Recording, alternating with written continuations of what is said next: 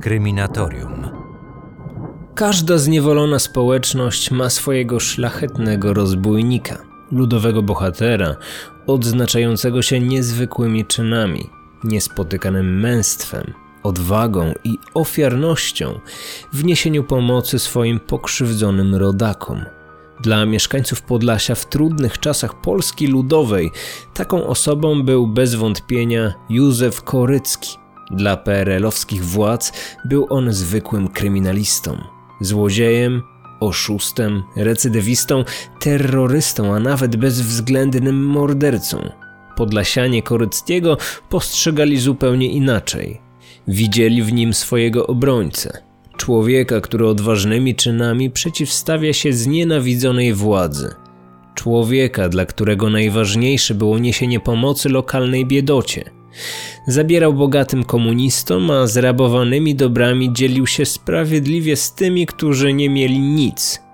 Wodził za nos ścigających go milicjantów, a osaczony potrafił dosłownie rozpłynąć się w powietrzu. Nic więc dziwnego, że Józef Korycki szybko dorobił się swojego chwalebnego przydomku. Mimo, że od jego śmierci minęły już ponad trzy dekady, przez tych, którzy go pamiętają, wciąż nazywany jest podlaskim Janosikiem. Dla PRL-owskich organów ścigania pozostał szakalem i wrogiem publicznym numer jeden. Kryminatorium. Otwieramy akta tajemnic. O życiu Koryckiego przez dłuższy czas wiadomo było niewiele.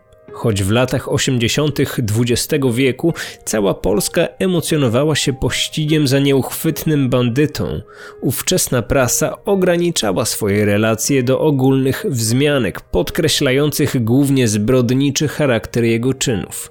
Największą gorliwością wykazywało się słowo Podlasia, tygodnik Polskiej Zjednoczonej Partii Robotniczej. Listem gończym poszukuje się zazwyczaj bardzo groźnych przestępców. Za Józefem Koryckim wysłano ich aż trzy, drukując dodatkowo tysiące ulotek z jego podobizną. Poszukiwany jest niebezpiecznym bandytą podejrzanym o rozboje i zabójstwo przy użyciu broni palnej, którą zawsze nosi przy sobie.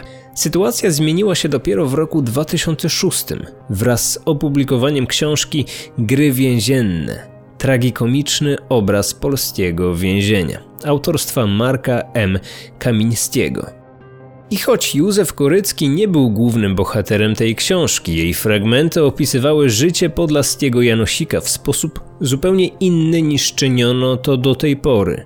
Autentyczność tej pracy podkreślał fakt, że Kamiński jako więzień polityczny osobiście poznał Koryckiego w roku 1982, gdy wspólnie przebywali w więzieniu mokotowskim na Rakowieckiej. Prawdziwą historię Janosika zrekonstruował on na podstawie wielu rozmów, zarówno z samym Koryckim, jak i z innymi współwięźniami posiadającymi wiedzę na temat bandyckiej działalności legendarnego wroga ludu.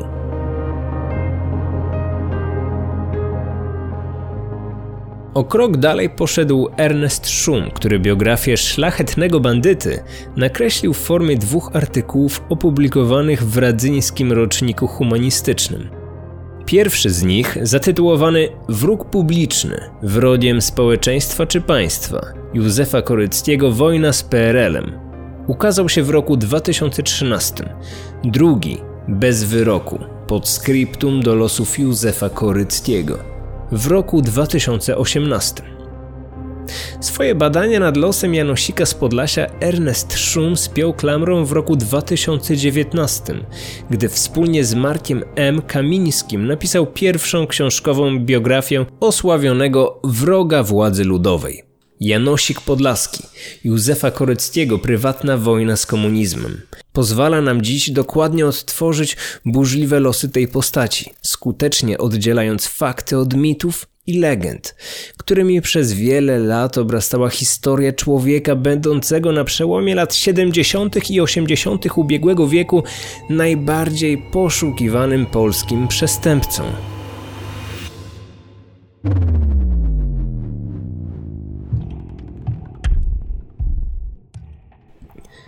Według oficjalnej noty biograficznej zawartej w liście gończym wydanym przez MO, Józef Korycki przyszedł na świat 25 marca 1934 roku w Radzeniu Podlaskim. On sam twierdził jednak, że urodził się rok wcześniej. Ku tej wersji skłaniał się także Marek M. Kamiński w grach więziennych. W dzieciństwie nie sprawiał problemów wychowawczych. Jako młodzieniec wyróżniał się wśród swoich rówieśników dużą inteligencją, wiedzą i kulturą osobistą. Ernest Schum w swojej książce podkreśla twardy charakter Józefa, którego młodzieńcze lata naznaczył koszmar II wojny światowej. Postrzegany był jako człowiek światły, zdolny i błyskotliwy. Miał silną, ale zarazem zrównoważoną osobowość i nie wykazywał cech nieprzystosowania społecznego. Twardemu charakterowi Koryckiego towarzyszyły siła i sprawność fizyczna. Był wysoki, miał ponad 180 cm wzrostu i muskularny. Budził respekt samą swoją postawą, ale także zachowaniem emanującym spokojem, stanowczością i pewnością siebie. W liceum uczył się średnio. Znacznie lepsze wyniki uzyskiwał w sporcie. Maturę zdał jednak z wyróżnieniem i marzył, by studiować historię w Lublinie. Te ambitne plany pokrzyżowała Józefowi akowska przeszłość jego ojca Zygmunta, przez którą nie przyjęto go na studia to właśnie Zygmunt, weteran walk o niepodległość ojczyzny, zaszczepił w swoich pięciu synach miłość do wolnej Polski oraz krytyczny stosunek do komunizmu, który wskutek wojennych przeżyć przerodził się u Józefa w gorliwą pogardę i otwartą wrogość wobec rządzących powojenną Polską komunistów. Po latach, w rozmowach z Kamińskim, często wracał do swoich wojennych wspomnień.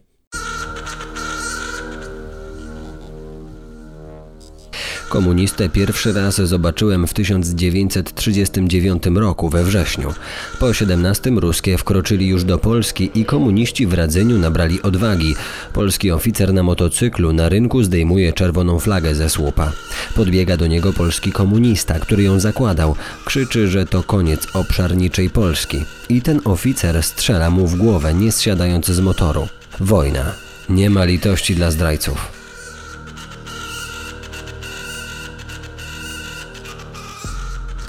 Na początku lat 50. wbrew swojej woli został wcielony do ludowego wojska polskiego. Jednak służba ludziom, którymi gardził, okazała się ponad jego siły. Nie wytrzymał zbyt długo w wojskowym mundurze i po kilku miesiącach zdezerterował. Ucieczka Koryckiego sprawiła, że jego osobą zainteresowała się nie tylko wojskowa służba wewnętrzna, ale i milicja obywatelska. Schwytany trafił do więzienia. Korzystając jednak z poststalinowskiej odwilży, szybko wyszedł na wolność. Tak rozpoczęła się przestępcza Odyseja Józefa, która trwać miała do końca jego dni.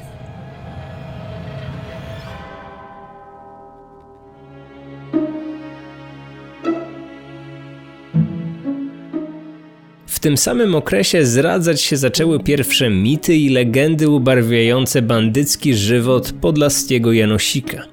Ci, którzy go znali, opowiadali później, że uciekający z jednostki wojskowej Korycki wziął ze sobą zakładnika. Miał nim być pewien radziecki pułkownik. Swoista żywa gwarancja, że ścigający dezertera oddział nie będzie do uciekiniera strzelać. Jedni w tę opowieść wierzyli bardziej, a inni mniej. Nie zmienia to jednak faktu, że odtąd wiele wydarzeń związanych z Janosikiem zaczęto przesadnie mitologizować, nadając im czasami wymiar wręcz nadprzyrodzony. Nie minęło wiele czasu, a Korycki ponownie trafił za kratki. Drobne kradzieże, nielegalne posiadanie broni, kilka włamań. Liczne występki sprawiły, że więcej czasu spędzał w celi niż na wolności. Z więzienia wychodził zawsze przed upływem zasądzonej kary, głównie za sprawą wzorowego zachowania, jak podkreślił w swojej książce Ernest Schum. Korycki bez żadnych zahamowań wykorzystywał swoją inteligencję do manipulowania więziennym personelem. Zawsze bezwzględnie dążył do osiągania własnych celów, a przejawem skuteczności jego działań były również wnioski o przedterminowe zwolnienie składane przez naczelników zakładów karnych, w których przebywał. Życie podzielone za odsiadywanie wyroków, a kontynuowanie przestępczej działalności doprowadziło Koryckiego do zerwania stosunków z własną rodziną. Nie chciał narażać swojej żony i syna na niebezpieczeństwo grożące im ze strony ścigających go milicjantów. W swoim rodzinnym domu pojawiał się sporadycznie, głównie pod osłoną nocy, w tajemnicy przynosząc żonie pieniądze na utrzymanie. Nie trzeba dodawać, że większość tych środków pochodziła z kradzieży.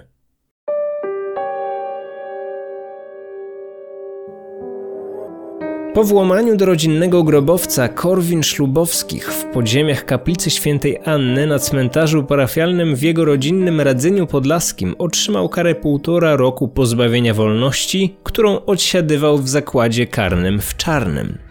Choć tym razem nie został zwolniony przed czasem, to i tak nie doczekał w celi końca wyroku. Uciekł z więzienia. Trafił na Podlasie i tam, ukrywając się w odludnych terenach, zaczął otrzymywać coraz większe wsparcie ze strony miejscowej ludności. Wraz ze zwiększającą się liczbą odsiadek wzrastała do Józefa sympatia lokalnej społeczności. Wśród Podlasian zaczął być postrzegany niczym ktoś w rodzaju angielskiego Robin Hooda lub legendarnego słowackiego zbójnika Juraja Janosika. Podobnie jak oni, również Korycki zabierał bogatym i oddawał biednym. Atakował okolicznych komunistów, włamywał się do państwowych magazynów i okradał spółdzielcze sklepy. Co pewien czas napadał na wiejskich sołtysów, którzy zbierali podatki rolne od chłopów lub trzymali u siebie pieniądze przeznaczone na wypłaty dla swoich pracowników.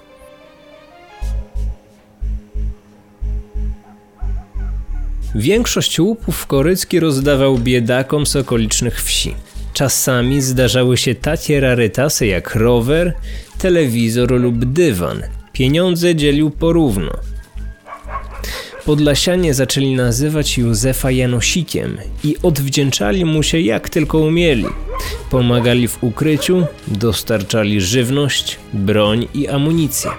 Coraz więcej osób chciało do niego dołączyć, by u boku swojego bohatera niszczyć i ośmieszać znienawidzoną władzę.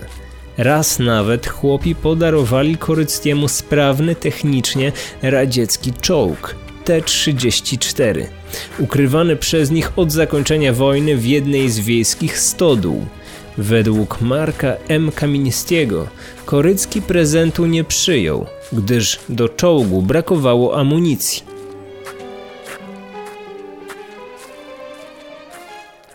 Legenda o szlachetnym zbóju z Podlasia szybko dotarła do najwyższych kręgów MMO. Korycki nie krył wrogiego nastawienia do polskich władz. Ze względu na swoje poglądy i działalność antypaństwową został uznany przez komunistyczne władze za element skrajnie niebezpieczny.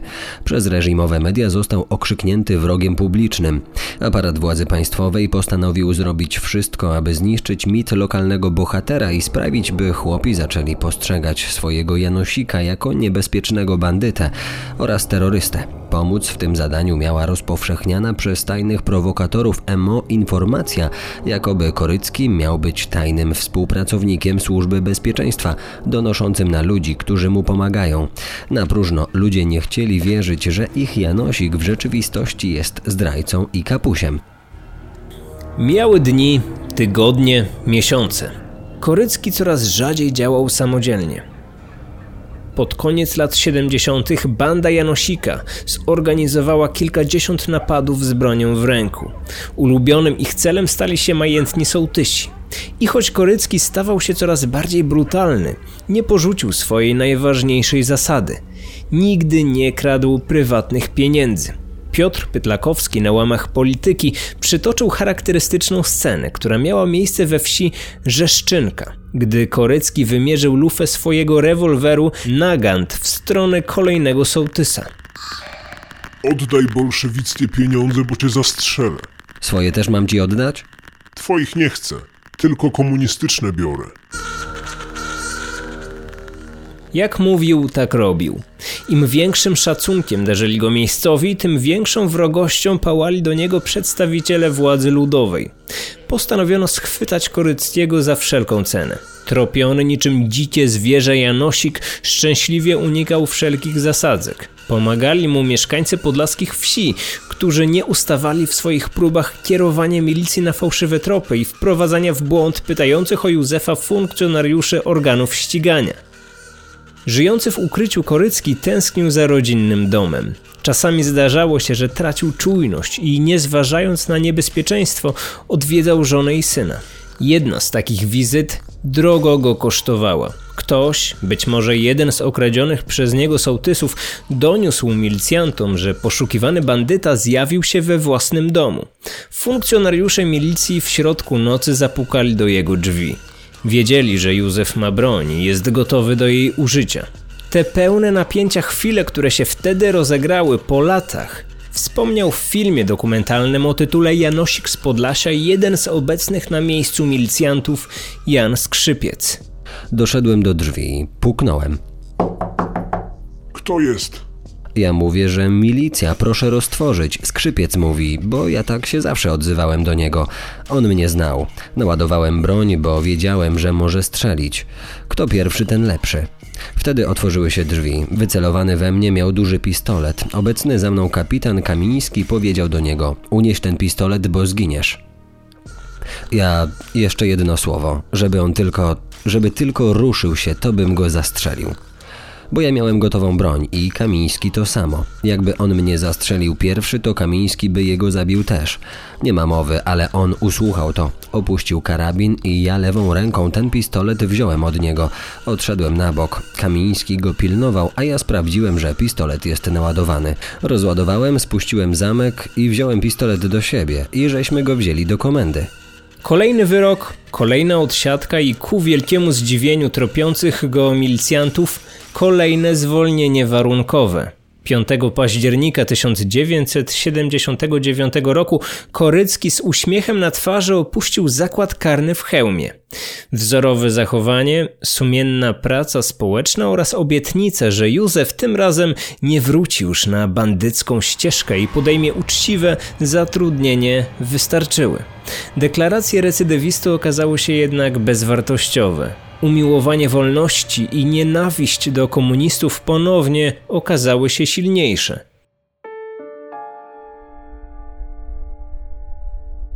Przez następny rok grupa Janosika dokonała licznej serii włamań i napadów z bronią w ręku. Sołtysi, sklepy spółdzielcze, stacje CPN oraz wagony towarowe stojące na dworcowych bocznicach były idealnymi celami Koryckiego i jego bandy. Podczas napadów nie dochodziło jednak do rozlewu krwi. Nikt też nie odnosił uszczerbku na zdrowiu. Sytuacja zmieniła się diametralnie późnym wieczorem, 10 października 1980 roku, gdy podczas kolejnych włamań do jednego z wagonów na dworcu w Łukowie napastników zaskoczyły znajdujące się wewnątrz osoby ojciec z synem, którzy pilnowali przewożonych pociągiem materiałów budowlanych. Chłopiec, słysząc włamywaczy, krzyknął: Stój, milicja! Napastnicy, przekonani, że wpadli w milicyjną obławę, spanikowali. Ktoś oddał serię strzałów z pepeszy. Chłopiec padł na ziemię jak rażony piorunem. Był martwy. Napastnicy zbiegli do pobliskiego lasu. Skutkiem tej nieudanej akcji była pierwsza ofiara śmiertelna w karierze Janosikowej bandy. Przybyli na miejsce funkcjonariusze znaleźli porzucony przy zwłokach beret, który szybko zidentyfikowano jako własność poszukiwanego Józefa Koryckiego. I to właśnie jego posądzono o zastrzelenie człowieka. Już nie był zwykłym złodziejem i wywrotowcem stawiającym opór władzy ludowej teraz stał się bezwzględnym mordercą, najbardziej poszukiwanym przestępcą w Polsce, którego trzeba ująć jak najszybciej, bez względu na środki, żywego lub martwego. Pościg za Koryckim był szczegółowo relacjonowany przez krajowe media. Milicja na wielką skalę rozpoczęła akcję pozyskiwania informacji od swoich informatorów. Wioski, w których Korycki mógł się pojawić, były obstawiane. Wszystkie miejsca, gdzie widziano Janosika, były dokładnie przeczesywane. Po dwóch miesiącach bezowocnych poszukiwań na początku roku 1981 w Warszawie komendant główny MO powołał specjalną grupę do złapania Koryckiego. Jednym z jej członków był znany z telewizyjnego programu 997 Jan Płócienniczak. Na efekty ich pracy trzeba było jednak czekać ponad rok, do 8 lutego 1982 roku, gdy w okolicach Radzynia Podlaskiego Korycki został namierzony.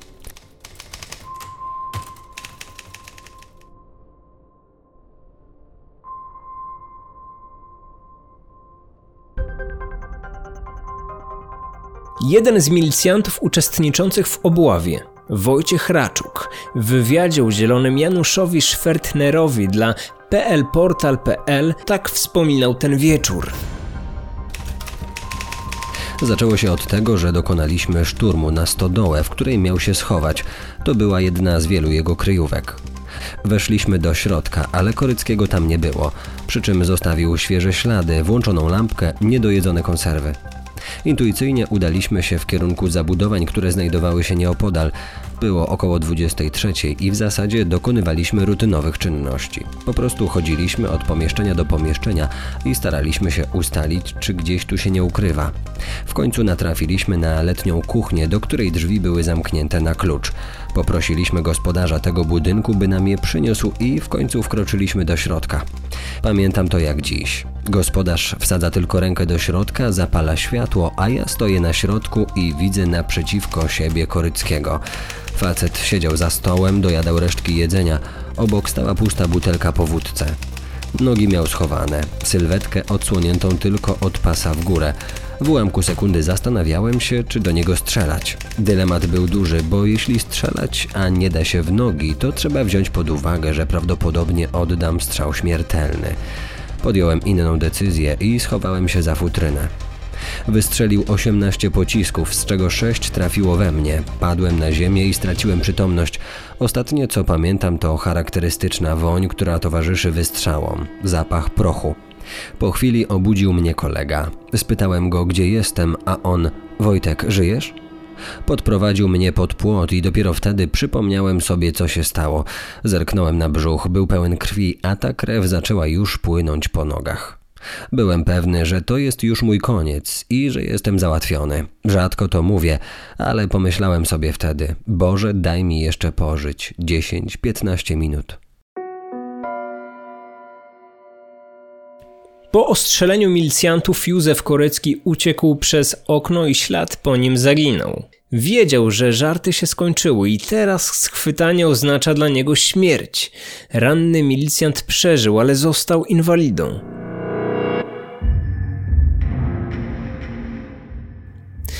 Pętla na szyi Janosika zaciskała się coraz mocniej, a tropiący go funkcjonariusze byli coraz bliżej. 10 kwietnia 1982 roku powołano specjalną grupę operacyjną o nazwie Szakal. Jej nazwa nawiązywała do przydomku, jakim Koryckiego określali ścigający go milicjanci. Natychmiast wytypowano kolejne miejsce, gdzie mógł przebywać przestępca. W obławie oprócz milicji wzięło udział kilkuset funkcjonariuszy ZOMO wspieranych przez pojazdy opancerzone oraz dwa śmigłowce. Okrążono kryjówkę Koryckiego, a milicyjny negocjator przez megafon wezwał bandytę do poddania się. Gdy nie doczekano się odpowiedzi, zaczął się szturm. Z szopy brutalnie wywleczono dwóch pijanych mężczyzn. Ku zdumieniu milicyjnych dowódców wśród zatrzymanych nie było Koryckiego, który zdołał uciec 15 minut wcześniej. Na kolejną okazję schwytania trzeba było czekać kolejny miesiąc. Członkowie grupy Szakal przygotowali się do akcji niczym do wojny. Oprócz pojazdów opancerzonych i śmigłowców, zdecydowano się na skorzystanie z większej liczby ludzi i sprzętu. Oddział wsparty został dodatkowo trzema strzelcami wyborowymi z Brygady Zabezpieczeń Komendy Stołecznej MO. Los Józefa Koryckiego był już przesądzony.